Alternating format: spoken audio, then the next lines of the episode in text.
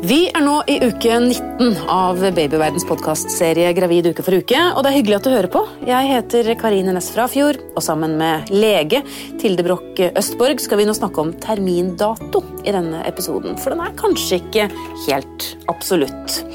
Jordmor Anette Gen Mikkelsen hun skal dele tanker rundt eh, forventninger fra og til dem rundt deg. Besteforeldre, f.eks. Det trenger ikke alltid å være like enkelt.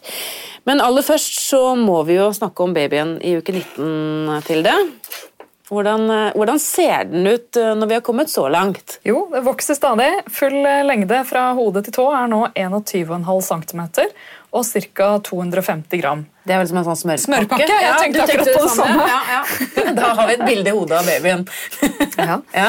Og hos eh, jentene så er eh, eggstokkene på plass, og de eh, har begynt å danne eggceller. Ehm, vi danner faktisk en million eggceller eller flere i fosterlivet. Oi. Og så avtar det gjennom livet.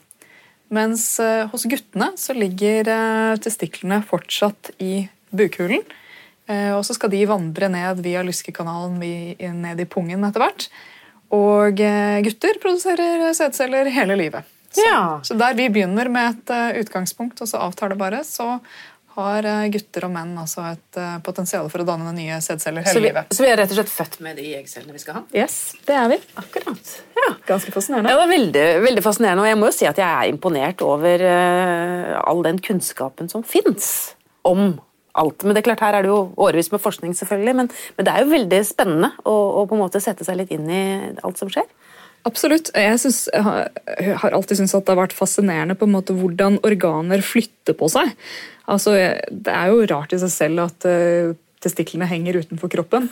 De må jo det, fordi, uh, fordi uh, sædkvaliteten blir dårlig hvis de ikke har en temperatur som er lavere enn kroppstemperatur. Men hvordan i alle dager ble det sånn at de ikke tåler det og derfor må henge der? Et veldig utsatt sted.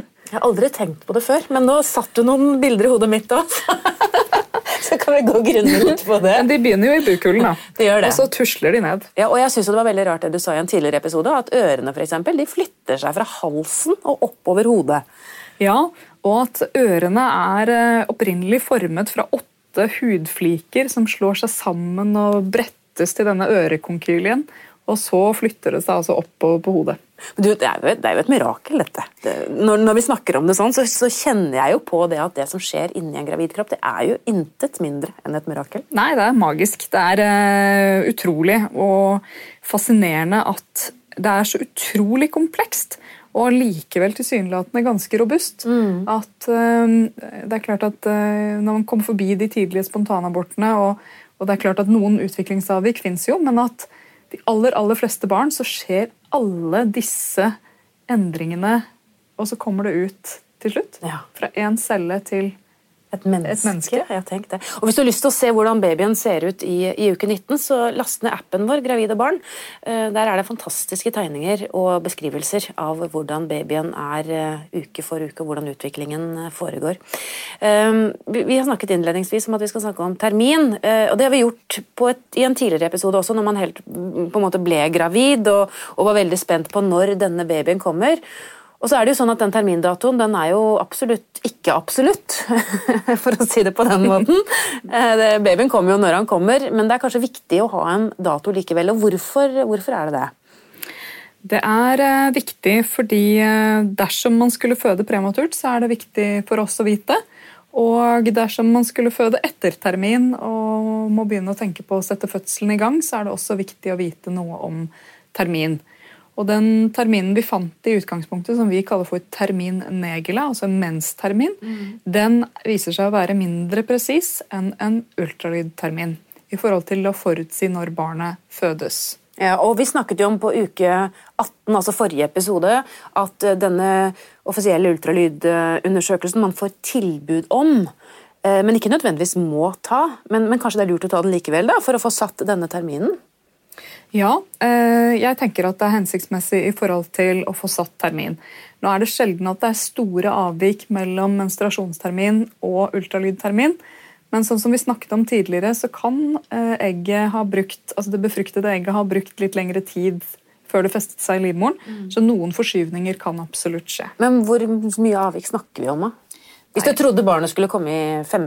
desember, hva, hva, hva liksom, kan den nye terminen bli? Er det mange dager? Det er uh, uvanlig med avvik som er over syv til ti dager i noen av retningene. Ja. Og så vet man jo heller ikke når barnet ønsker å komme ut heller. Nei. Men det er viktig for dere å ha en, en dato. Det er i hvert fall eh, det, det, hjelper oss med å gi uh, riktig behandling dersom ikke svangerskap og fødsel skulle bare gå av seg selv og fødes til termin og sånn. Mm. Da er det viktig. Men hvis dere ikke da måler ut fra menstruasjonstermin, hvordan måler dere? Hvordan klarer dere å sette en termin? Um, sånn som vi snakket om i forrige episode også, så måler vi en del uh, ting under denne ultralydundersøkelsen. Og de uh, målene vi bruker for å sette termin, det er først og fremst hodemål og lårbeinsmål. Vi måler også magemål, men det har mer å si hvis vi skal si noe om fostervekst senere i svangerskapet. Så hodemål, enten uh, at issen er målt fra side til side, eller at man måler hodets omkrets eller lengden på lårbeinet eh, hjelper oss med å sette termin. Og Det er fordi alle fostre vokser tilnærmet likt frem til uke 18-19. Men etter det så begynner genetiske forhold og, og andre forhold ved svangerskap å virke inn. Betyr det at hvis man har en eh, lang far og en lang mor, så man, får man lange barn? Er det sånn? Mm. det er ikke lengde først og fremst vi tenker på. da. Det er jo mer om, om på en måte størrelse. Men vi vet at mors egen fødselsvekt og størrelse påvirker eh, hvor stort barnet blir. Og far innvirker også på lengde, men da snakker vi mer om endelig lengde. Ja vel, ok, Så ikke fødselslengde. Men hva med de som føder barn, da? Eh, jeg skal ikke bli for personlig, men, men, men jeg har to barn, og, og, det var veldig stor variasjon i fødselsvekten på de to. En liten og en ganske stor. Har det noe å si? Vi vet at kvinner som føder flere barn uh, Nå vet jeg ikke hvordan det var for deg, men i gjennomsnitt så er det litt økning i fødselsvekt for hvert barn. Ikke mye, okay. men da snakker vi om store tall og gjennomsnitt. Så det første barnet er minst, og så er det kanskje i snitt 30-50 gram større. Mm. Men det er klart at det er mange ting som virker inn. Eh, eh, barnet, barnets kjønn virker inn som sagt på fødselsvekt hvordan morkaken har fungert. Har man f.eks. hatt en alvorlig svangerskapsforgiftning, eller noe sånt, så vil kanskje et barn ha vært mindre. Hvis man har hatt svangerskapsdiabetes, som vi skal snakke om senere, så har kanskje barnet vært større. Eh, og så er det forhold ved andre forhold også som vi kanskje ikke vet noe om, som kan virke inn på, på barnets endelige vekt. Mm. Men Hva kan dere gjøre i forhold til termin? Du sa det er viktig i, i forhold til premature fødsler. Hvorfor er det så viktig for dere å vite en termin da? Det handler eh, om eh, flere ting. Det handler om det å vite noe om levedyktighetsgrense. Altså hvor, hvor, på, altså hvor, gammelt barnet er når det fødes, er viktig for oss. Både for å, for å fortelle foreldrene noe om prognose, men også noe om behandlingsintensitet. Og så er det sånn at Vi gir eh, sprøyter for lungemodning og prøver å utsette fødsel hvis den kommer i gang før uke 34. Sånn at Det er også viktig for oss å vite. Eh, Når du sier sprøyter, gir dere babyen i magen sprøyter? Nei, beklager. Eh, vi eh, gir mor sprøyter som virker lungemodnende for barnet. Ok, det er sånn det fungerer. Og så er det noe i forhold til termin også, som du sa, at man skal jo helst ikke gå for mye på overtid. Nei, og der er det Helsedirektoratets retningslinjer som sier at man skal ha en vurdering en uke over termin i uke 41 pluss 3 og at eh, fødselen eh, anbefales senest satt i gang i uke 41 pluss 6. Men utfordringen med dette er jo at vi har hatt en veldig økning i igangsetting av fødsler. Men eh, vi har kanskje reddet noen få fostre, eller noen få barn på overtid. Mm. Dette med termindatoen er jo en litt sånn hellig dato for mange gravide. har inntrykk av. opplever du at noen blir skuffa når man må flytte datoen sin? Eh, absolutt. Eh, det, og, det, og, det, skjønner jeg godt. At eh, man, eh, man har innstilt seg ganske sterkt på en termin, og så får man en justering av den. Nå skal det også sies at Dersom det er en betydelig justering av termin, så er vi ekstra obs. Da vil vi gjerne ta inn kvinnen til en kontroll. F.eks. hvis du blir satt tilbake, altså at, at fosteret ser mye mindre ut enn det du skulle ha vært, så kan jo det i sjeldne tilfeller være at fosteret vokser dårlig. Mm. Eller hvis du har et barn som er mye større enn det vi tror, så må vi alltid ha, svangerskaps, altså ha svangerskapsdiabetes i bakhodet. Så det er også noe der. Mm. Eh, helt anekdotisk så er det jo sånn at eh, kvinner som har en graviditetslengde som tilsier at den mannen de mener er far til barnet, ikke var der. Eh, da Ja, du skjønner hva jeg mener. Eh, for, for, de, for dem er det nok et, eh, et, relativt viktig poeng da, at disse datoene stemmer overens. Ja, Det forstår jeg veldig godt. Så, så det, er, det, er, ikke bare enkelt heller, dette med termin, skjønner jeg? Nei, termin er ikke enkelt. Og det, har, det er stadig det har vært omfattende debatter i fagmiljøene i Norge også om, om dette med hvordan, hvilken ultralydmetode man skal bruke osv. Um, og for, for kvinnen er det som sagt viktig. Og likevel så er det jo bare 5% som føder på denne hellige termindatoen. da. Nettopp, Så det er ikke sikkert du får den eh, fødselsdatoen uansett? Nei, 95% sjanse for at du ikke får det. Ja. okay. ja, men Det var en grei oppsummering. Takk skal du ha, Tilde Broch Østborg. Du er overlege ved Kvinneklinikken på Stavanger universitetssykehus. Um, vi skal snakke om dette med forventninger med jordmor Anette Heggen Mikkelsen etter pausen.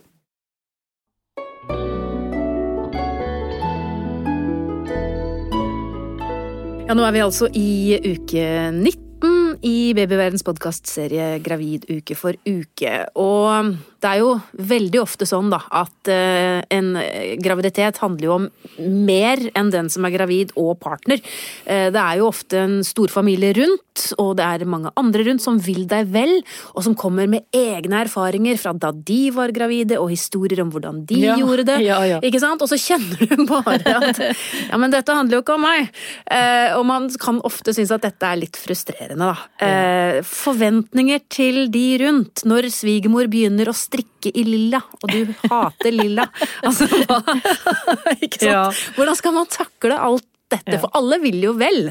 Ja, det der er ganske vanskelige saker. Fordi at eh, på en måte så er jo dette, eller det er helt opplagt et familieprosjekt. Altså dette her er jo et lite barn som kommer inn i den store slekta og inn i flokken sin, for å si det sånn. Mm. Og det er viktig for barnet å ha hele den store flokken rundt seg, og at man er, er flere om å å ta vare på den ungen framover. Mm. Ungen har jo god nytte av besteforeldre og tanter og onkler og alt mulig rart hva man har av menneskelige ressurser i denne familien. Ja, eller vennegjengen. Det kan ja, jo være det også. Ja, eller andre. Mm. Eh, men det er klart at det, den følelsen av at noen tråkker over det private, for jeg tror det kanskje kan være det man føler som gravid da den kan være litt vanskelig å takle. Ja, fordi at, eh, som jeg sa innledningsvis, jeg tror alle mener vel. Men, ja, det tror jeg. Ja, ja. Eh, og, og, det er klart at når svigermor vil strikke, så gjør hun jo bare det fordi hun skal bli bestemor. Mm. Og syns det er helt fantastisk. Men, ja. men, men, men, hun har jo kanskje ikke spurt deg, da. Eh, Nei, hva du for det ønsker. ligger jo mange tanker og drømmer, må jeg si, og, og gode eh, følelser rundt det der at hun da strikker i lilla til barnet, ja, ja, ikke sant? sånn. Ja. Og så må vi eh, Jeg tenker her er det vel det vi ofte snakker om, at eh, det trengs litt sånn kommunikasjon. En fornuftig eh, bestemor er nok hensynsfull, håper jeg, i forhold til å være litt tilbakeholden i forhold til å, å sette sette i gang og strikke altfor tidlig. Ja. Eller å strikke i en eller annen eh, farge som hun liker, og kanskje ikke så mange andre liker. Men, eh, men, jeg tror det trengs fra begge parter å være litt hensynsfulle. Altså for å ta den gravide først, da, for å si det sånn, så tenker jeg at eh, det å gi rom for, og ha litt tanke for at her er det en en eh, mormor eller en farmor som kanskje skal bli mormor eller farmor eller bestemor for første gang i sitt liv, så er det jo noe med hennes rolle og den ressursen man kan bruke, eller det man kan hente ut hos vedkommende etter hvert, som også er litt viktig. Mm. Um, så Og det Jeg vil vel si at jeg syns ofte dette ordner seg etter hvert, men til å begynne med så kan dette være et veldig følsomt tema.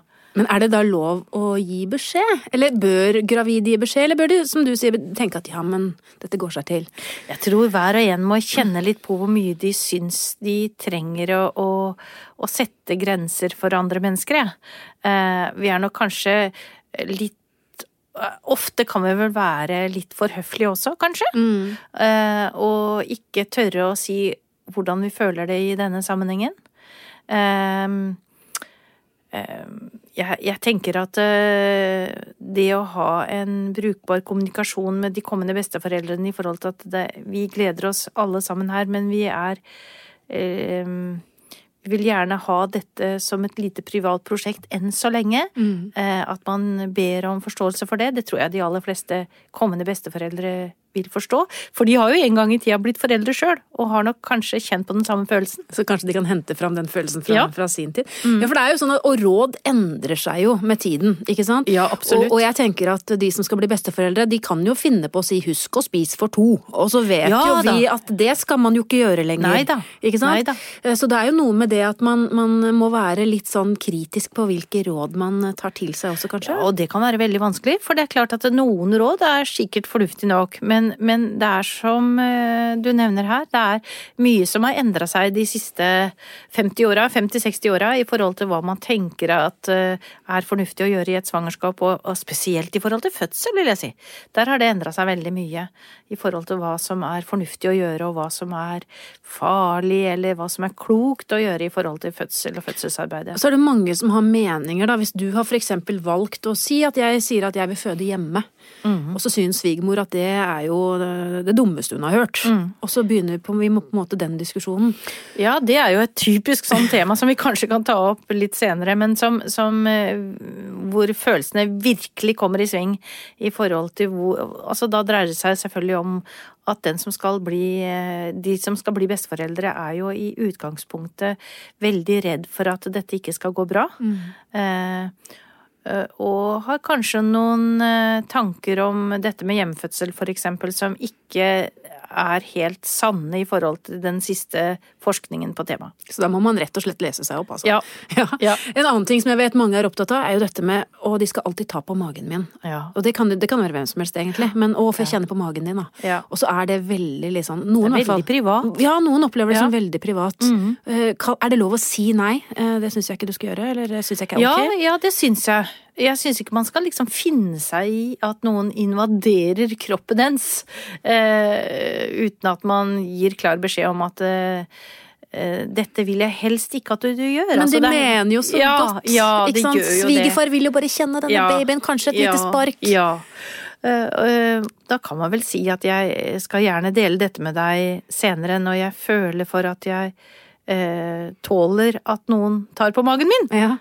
For det er vel noe med å kommunisere tydelig, men høflig, eh, hva man føler for dette. Men eh, jeg husker fra egen erfaring òg, man kan jo ofte bli oppfatta som veldig vanskelig da, som Mm. gravid, fordi man prøver å sette grenser for hva som er ok for seg selv, eh, men som oppleves litt sånn sært fra de rundt. Mm. Ja. Eh, men der igjen er det sånn at vi er så opptatt av hva andre syns om oss, Ja. eller hva andre skal mene om eh, det ene eller andre hvis jeg sier ting mer direkte. Eh, kanskje er det noe man skylder spesielt den nære familie å være tydelig, for det er jo en form for kjærlighet det òg, syns jeg. At man er tydelig på hva man føler. Det gir jo en mulighet for å komme nærmere hverandre, faktisk, hvis man er tydeligere. Så må, ja, og det å være tydelig, for eksempel på dette med navn, det er jo Ja. også noe som mange har forventninger rundt. I vår familie heter alle gutter Andreas. Ja. Ikke sant? Ja, ja. Hvis du får høre den. da, Eller skal dere ikke kalle opp etter? Ja, ikke sant? Ja, ja. Eh, Og det har man ikke tenkt å gjøre. Ja, ja. Eh, Hva, hva. Er det lov å liksom å si det, eller må man bare bite det i seg og kalle barnet Andreas? Altså, jeg tenker at en metode når man syns at ting er vanskelig, er jo sånn der Ja, jeg hører hva du sier, eller ja, det er kanskje en god tanke, vi får jo se, da. Altså den der å utsette det hele. Med et smil, kanskje? Med et smil Ja. er jo en lur ting når man ikke føler at man vil gå høyt fram og langt opp i forhold til eh, konfliktsituasjoner. For ingen ønsker jo å krangle på det, men, men samtidig så, så har man jo, som jeg prøver å si, man har jo sine egne forestillinger av hvordan man ønsker at dette skal være, ikke sant? Hva Mm. man ønsker at barnet skal hete, hvordan fødselen skal være. Altså, all, alle disse tankene er jo noe man på en måte erfarer selv. Men noe som de aller fleste aksepterer i forhold til navn, tenker jeg, det er en klok ting er jo å si at ja, vi se hvem som kommer, da. Ja, ikke Altså, sant? om det passer til babyen at den heter Andreas. Skulle veldig gjerne kalt den Andreas, men som du ser, ja, dette vi- er ingen Andreas. Nei, dette er Andrea isteden. Dette er Knut. Ja. Nei, men ikke sant? Altså, det å finne metoder og gi seg sjøl litt rom, handlingsrom, i forhold til det ene og det andre i livet generelt, tror jeg nok er ganske lurt. Man behøver ikke være uhøflig eller eller snerpete for det, men det går an å sette noen grenser på en pen måte allikevel. Ja, og så går det kanskje an å prøve å alliere seg med partner også. Altså Ja, at, man, at man er to og står sammen om dette. Men hva gjør man da, hvis partneren også tenker at Andreas er et veldig, veldig god idé? Da føler jeg vi er på en helt ny episode. da blir det veldig vanskelig. Ja, ja, ja. nei, men jeg tror man skal være tydelig, i hvert fall. Tydelig, høflig og smilende eh. Mm. i forhold til å møte forventninger man ikke er helt enig i rundt seg. Og så kommer man langt med det, og så håper kanskje også at tiden eh, hjelper litt til, da. Ja, det tenker jeg. Det er en veldig god ting at man tenker at det er en grunn til at et svangerskap tar ni måneder. Så når man da har kommet fram til uke 40 og ser hvem det er som kommer ut, og tenker at dette passer veldig bra til å være en liten knut, Ja. så blir det det. Takk skal du ha, jordmor Anette Hegen Mikkelsen. I neste episode så er vi halvveis i denne serien. Da har vi kommet fram til uke 20 i graviditeten. Og eh, da skal vi snakke om dette her med å knytte, eller å ha samspill til babyen sin allerede nå. Dette å snakke for magen, synge for magen, og hvordan babyen eh, responderer på, på det. For hører babyen egentlig noe inne i magen der den ligger omsluttet av fostervann? Det skal vi finne ut i, i neste uke. Og da skal vi også snakke om svangerskapsdiabetes, som um, mange har en risiko for å få sent eller i andre halvdel av eh, svangerskapet sitt. Og hvis du lurer på dette med svangerskapsdiabetes allerede nå, så kan jeg minne om eh, podkastserien Babyverden, hvor vi tar opp mange ulike problemstillinger. Um, Så den kan du også finne der du vanligvis eh, hører på podkast. Søk opp eh, Babyverden og svangerskapsdiabetes hvis du er opptatt av det. Eh, Eller så er det også noe vi skal altså snakke med legen vår Tilde om i neste episode av Gravid uke for uke. Hvis du vil ha mer og troverdig informasjon om graviditet og småbarnstid, finner du mange tusen artikler på babyverden.no. Last gjerne ned appen vår Gravid og barn, så kan du følge din babys utvikling uke for uke, både før og etter fødsel. I appen finner du også artikler, morsomme verktøy, gode tilbud og selvfølgelig også alle podkastepisodene våre. Som medlem i Babyverden får du også ukentlige nyhetsbrev med masse nyttig informasjon om både deg og babyen din, og tilgang til vårt populære diskusjonsforum. Våre medlemmer er også med i trekningen av flotte premier hver måned helt fram til barnet fyller ett år. Alt er selvfølgelig helt gratis.